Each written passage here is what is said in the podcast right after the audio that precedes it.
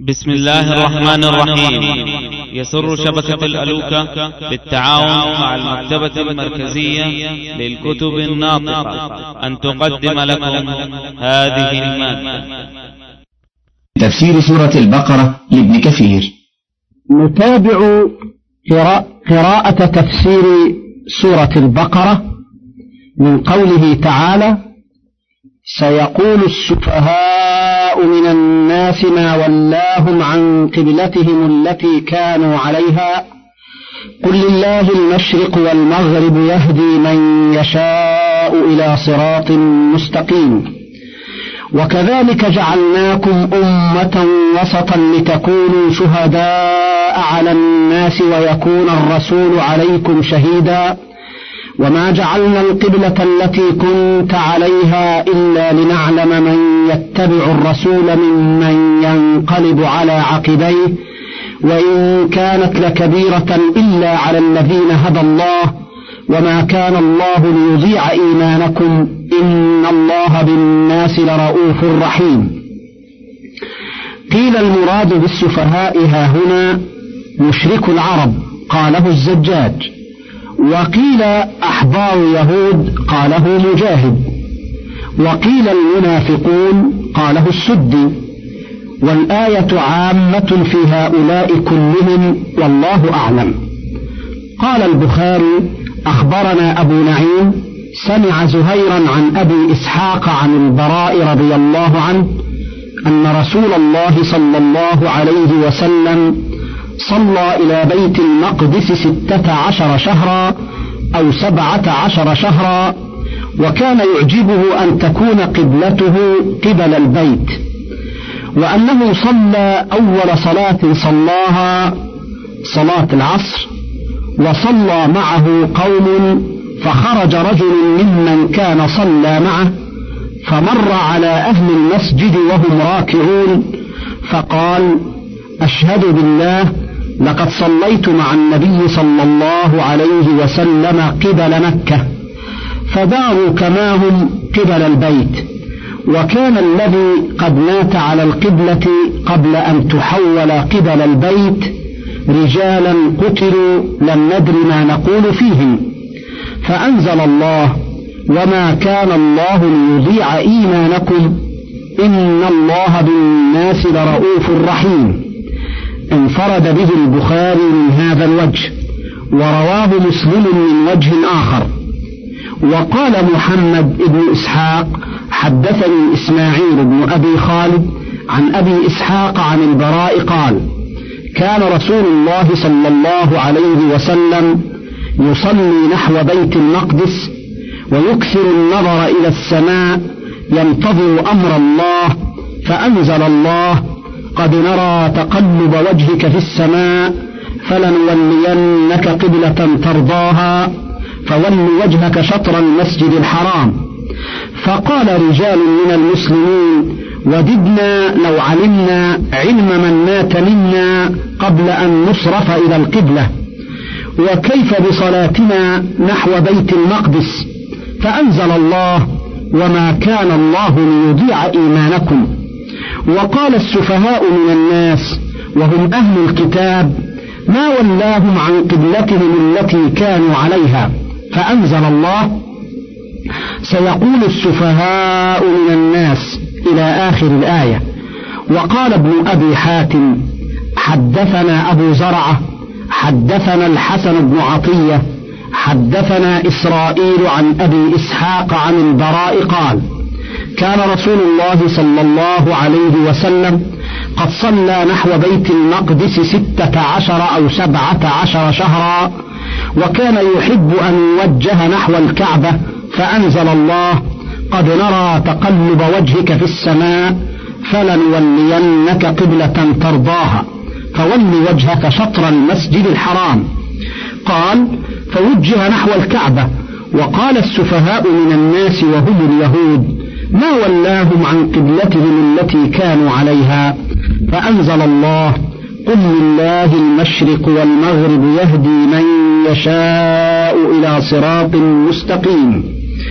وقال علي بن أبي طلحة عن ابن عباس أن رسول الله صلى الله عليه وسلم لما هاجر إلى المدينة أمره الله أن يستقبل بيت المقدس ففرحت اليهود فاستقبلها رسول الله صلى الله عليه وسلم بضعة عشر شهرا وكان رسول الله صلى الله عليه وسلم يحب قبلة إبراهيم فكان يدعو الله وينظر إلى السماء فأنزل الله عز وجل فولوا وجوهكم شطرة أي نحوه فارتاب من ذلك اليهود وقالوا ما ولاهم عن قبلتهم التي كانوا عليها فأنزل الله قل لله المشرق والمغرب يهدي من يشاء إلى صراط مستقيم. وقد جاء في هذا الباب أحاديث كثيرة وحاصل الأمر أنه قد كان رسول الله صلى الله عليه وسلم أمر باستقبال الصخرة من بيت المقدس فكان بمكة يصلي بين الركنين فتكون بين يديه الكعبة وهو مستقبل صخرة بيت المقدس. فلما هاجر إلى المدينة تعذر الجمع بينهما فأمره الله بالتوجه إلى بيت المقدس قاله ابن عباس والجمهور. ثم اختلف هؤلاء هل كان الأمر به بالقرآن أو بغيره؟ على قولين.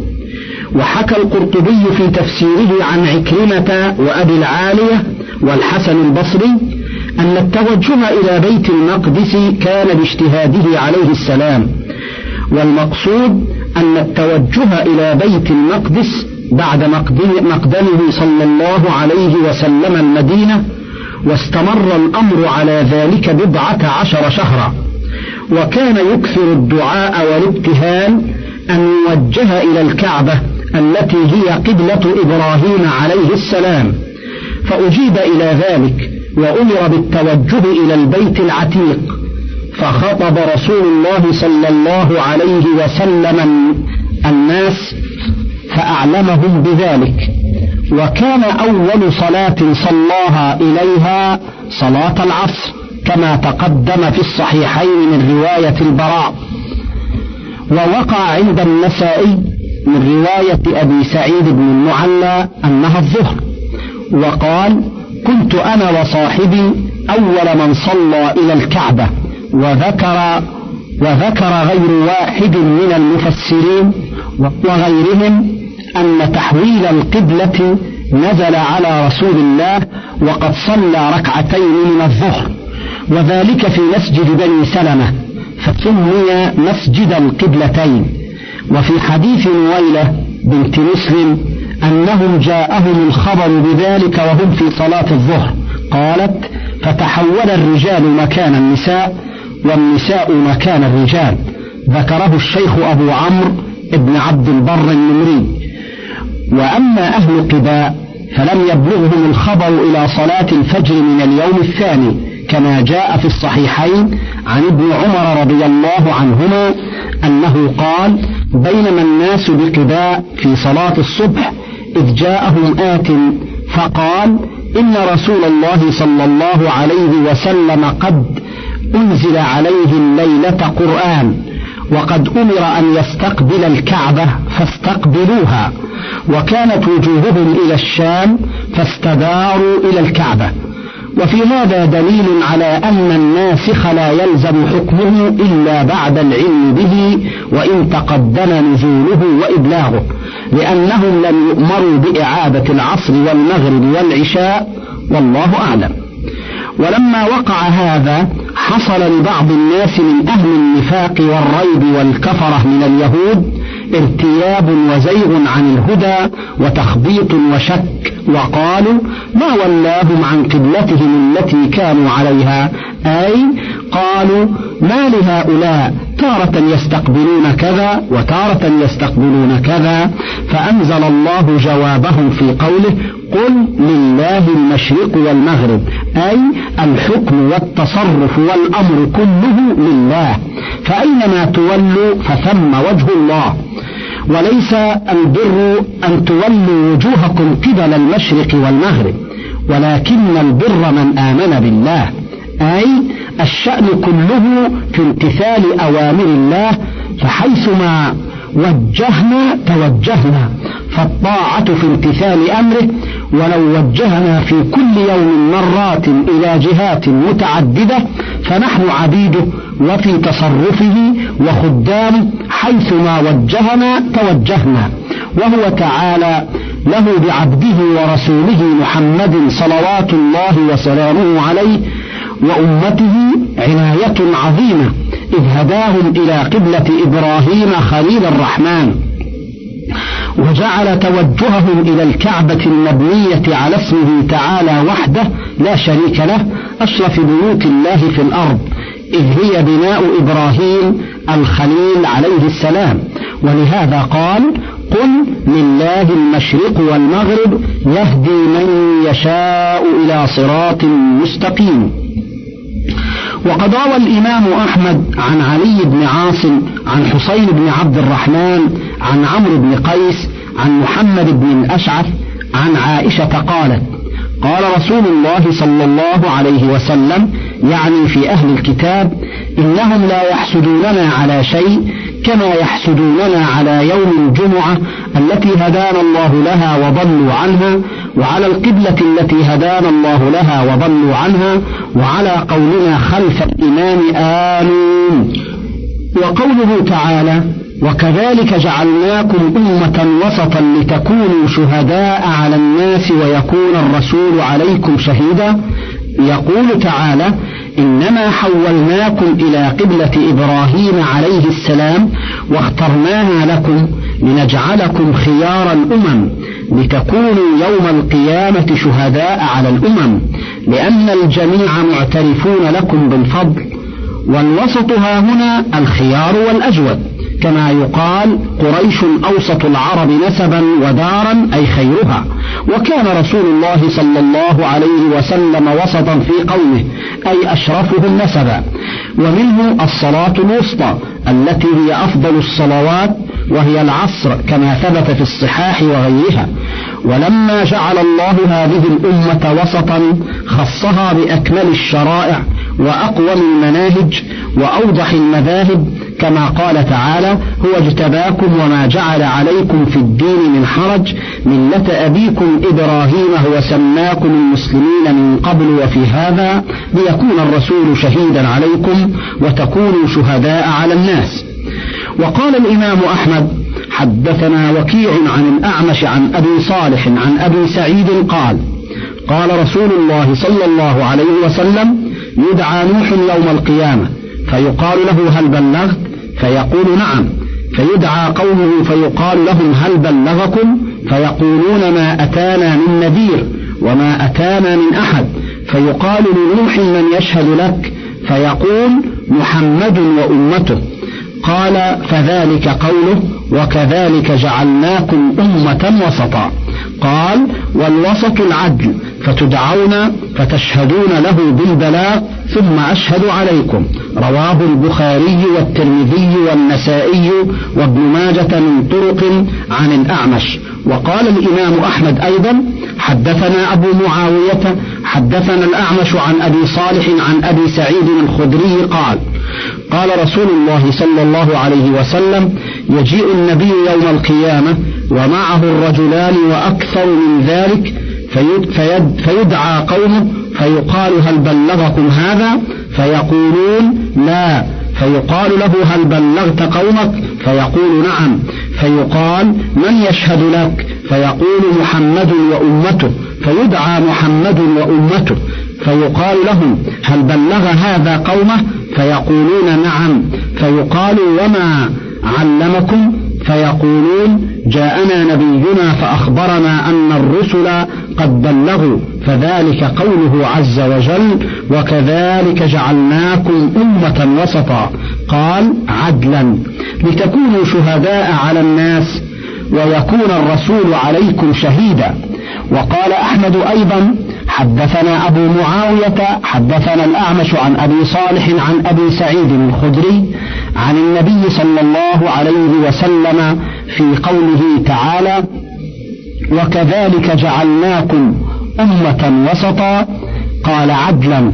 وروى الحافظ أبو بكر بن مردويه وابن أبي حاتم من حديث عبد الواحد بن زياد عن أبي مالك الأشجعي عن المغيرة بن عتيبة بن نباس حدثني مكاتب لنا عن جابر بن عبد الله عن النبي صلى الله عليه وسلم قال أنا وأمتي يوم القيامة على كون مشرفين على الخلائق.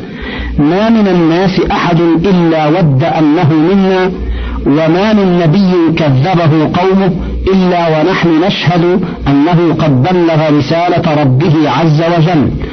وروى الحاكم في مستدركه وابن مردويه أيضا واللفظ له من حديث مصعب بن ثابت عن محمد بن كعب القرظي عن جابر بن عبد الله قال شهد رسول الله صلى الله عليه وسلم جنازة في بني مسلمة وكنت إلى جانب رسول الله صلى الله عليه وسلم فقال بعضهم والله يا رسول الله لنعم المرء كان. لقد كان عفيفا مسلما وكان وأثنوا عليه خيرا. فقال رسول الله صلى الله عليه وسلم أنت بما تقول. فقال الرجل الله أعلم بالسرائر. فأما الذي بدا لنا منه فذاك. فقال النبي صلى الله عليه وسلم وجبت. ثم شهد جنازة في بني حارثة وكنت إلى جانب رسول الله صلى الله عليه وسلم فقال بعضهم يا رسول الله بئس المرء كان إن كان لفظا غليظا فأثنوا عليه شرا. فقال رسول الله صلى الله عليه وسلم لبعضهم أنت بالذي تقول. فقال الرجل الله أعلم بالسرائر فأما الذي بدا لنا منه فذاك. فقال رسول الله صلى الله عليه وسلم وجبت. قال مصعب بن ثابت فقال لنا عند ذلك محمد بن كعب صدق رسول الله صلى الله عليه وسلم ثم قرأ وكذلك جعلناكم أمة وسطا لتكونوا شهداء على الناس ويكون الرسول عليكم شهيدا. ثم قال الحاكم هذا حديث صحيح الإسناد ولم يخرجاه. وقال الإمام أحمد حدثنا يونس بن محمد حدثنا داود بن أبي الفرات عن عبد الله بن بريدة عن أبي الأسود أنه قال أتيت المدينة فوافقتها وقد وقع بها مرض فهم يموتون موتا ذريعا. فجلست إلى عمر بن الخطاب فمرت به جنازة فأثني على صاحبها خير فقال وجبت. ثم مر بأخرى فأثني عليها شر فقال عمر وجبت. فقال أبو الأسود ما وجبت يا أمير المؤمنين؟ قال قلت كما قال رسول الله صلى الله عليه وسلم أيما مسلم شهد له أربعة بخير أدخله الله الجنة. قال فقلنا وثلاثة؟ قال فقال وثلاثة. قال فقلنا واثنان؟ قال واثنان ثم لم نسأله عن الواحد. وكذا رواه البخاري والترمذي والنسائي من حديث داود ابن أبي الفرات به. وقال ابن مردوي حدثنا أحمد بن عثمان بن يحيى حدثنا أبو قلاب الرقاشي حدثنا أبو الوليد حدثنا نافع بن عمر, بن عمر حدثنا أمية بن صفوان عن أبي بكر بن أبي زهير الثقفي عن أبيه قال سمعت رسول الله صلى الله عليه وسلم بالبناوة يقول يوشك أن تعلموا خياركم من شراركم. قالوا بما يا رسول الله. قال بالثناء الحسن والثناء السيء. أنتم شهداء الله في الأرض. ورواه ابن ماجه عن أبي بكر بن أبي شيبة عن يزيد بن هارون ورواه الإمام أحمد عن يزيد بن هارون وعبد الملك بن عمر وشريح عن نافع عن ابن عمر به. وقوله تعالى وما جعلنا القبلة التي كنت عليها إلا لنعلم من يتبع الرسول ممن ينقلب على عقبيه وإن كانت لكبيرة إلا على الذين هدى الله يقول تعالى إنما شرعنا لك يا محمد التوجه أولا إلى بيت المقدس ثم صرفناك عنها إلى الكعبة ليظهر حال من يتبعك ويطيعك ويستقبل معك حيثما توجهت ممن ينقلب على عقبيه أي مرتدا عن دينه وإن كانت لكبيرة أي هذه الفعلة وهو صرف التوجه عن بيت المقدس إلى الكعبة.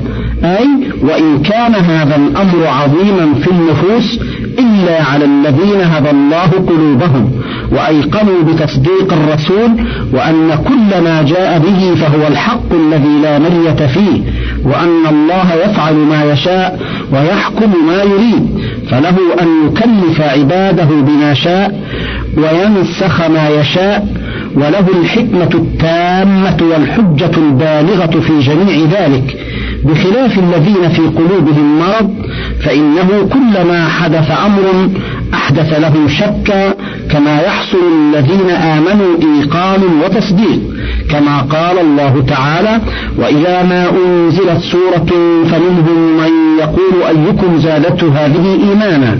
فأما الذين آمنوا فزادتهم إيمانا وهم يستبشرون وأما الذين في قلوبهم مرض فزادتهم رجسا إلى رجسهم. وقال تعالى قل هو للذين آمنوا هدى وشفاء والذين لا يؤمنون في آذانهم وقر وهو عليهم عمى. وقال تعالى وننزل من القرآن ما هو شفاء ورحمة للمؤمنين ولا يزيد الظالمين إلا خسارة.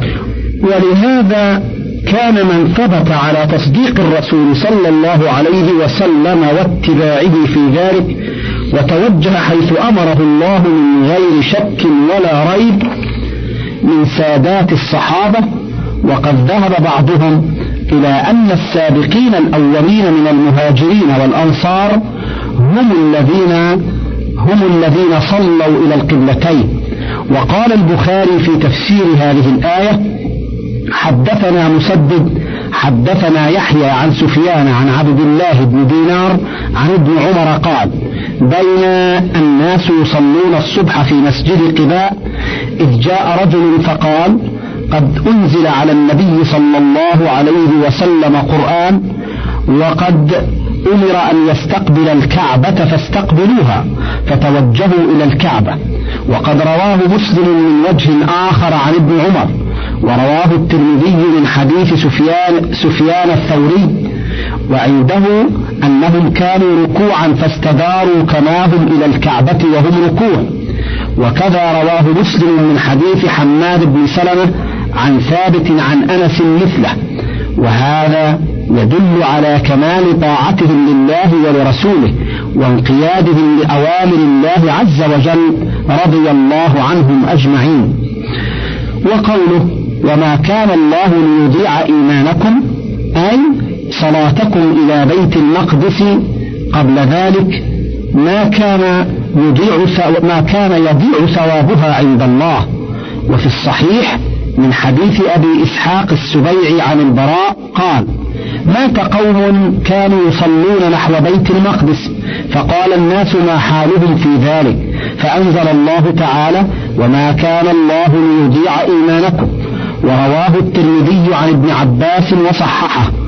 وقال ابن إسحاق حدثني محمد بن أبي محمد عن عكرمة أو سعيد بن جبير عن ابن عباس وما كان الله ليضيع إيمانكم أي بالقبلة الأولى وتصديقكم نبيكم واتباعه إلى القبلة الأخرى أي ليعطيكم أجرهما جميعا.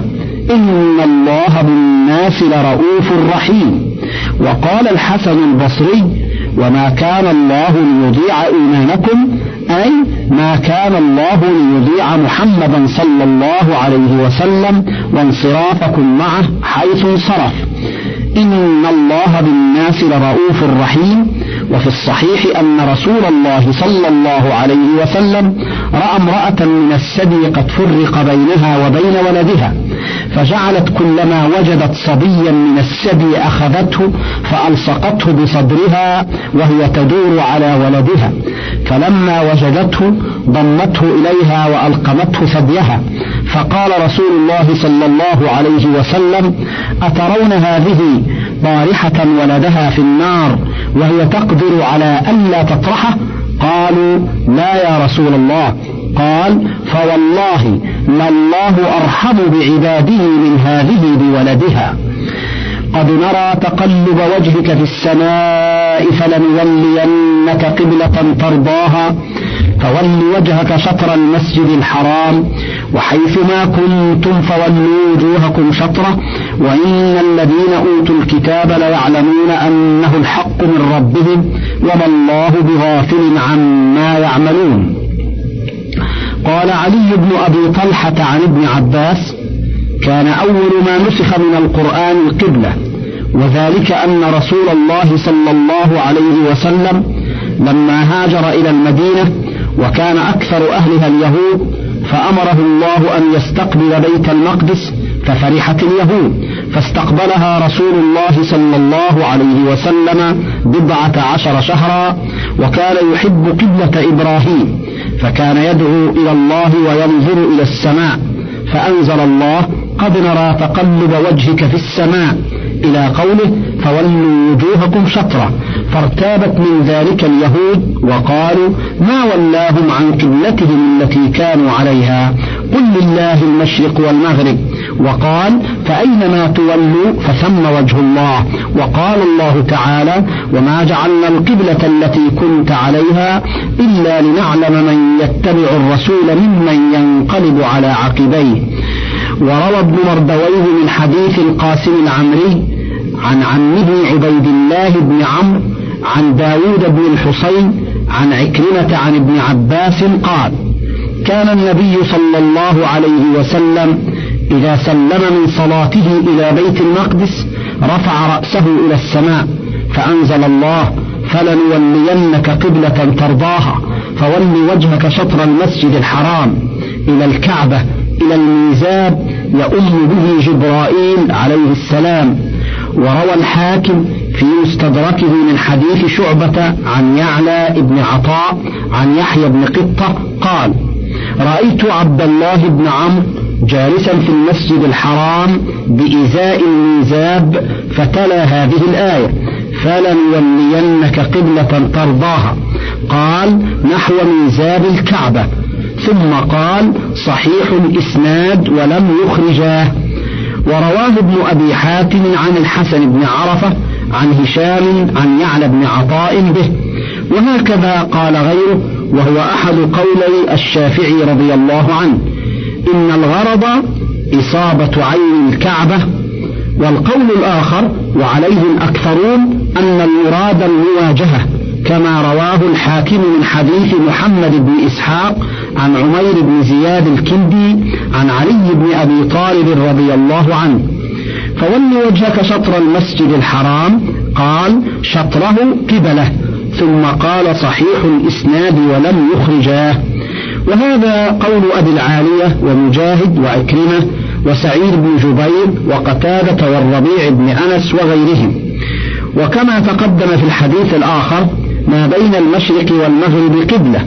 وقال القرطبي روى ابن جريج عن عطاء عن ابن عباس رضي الله عنهما أن رسول الله صلى الله عليه وسلم قال البيت قبلة لأهل المسجد والمسجد قبلة لأهل الحرم والحرم قبلة لأهل الأرض في مشارقها ومغاربها من أمتي.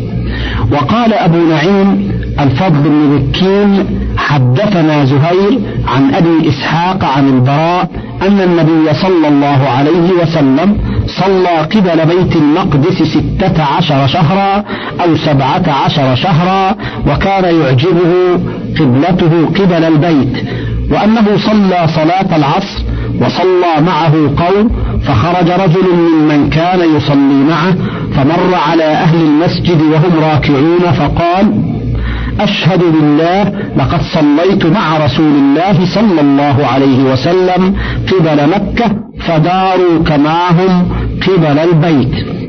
من فضلك تابع بقية المادة.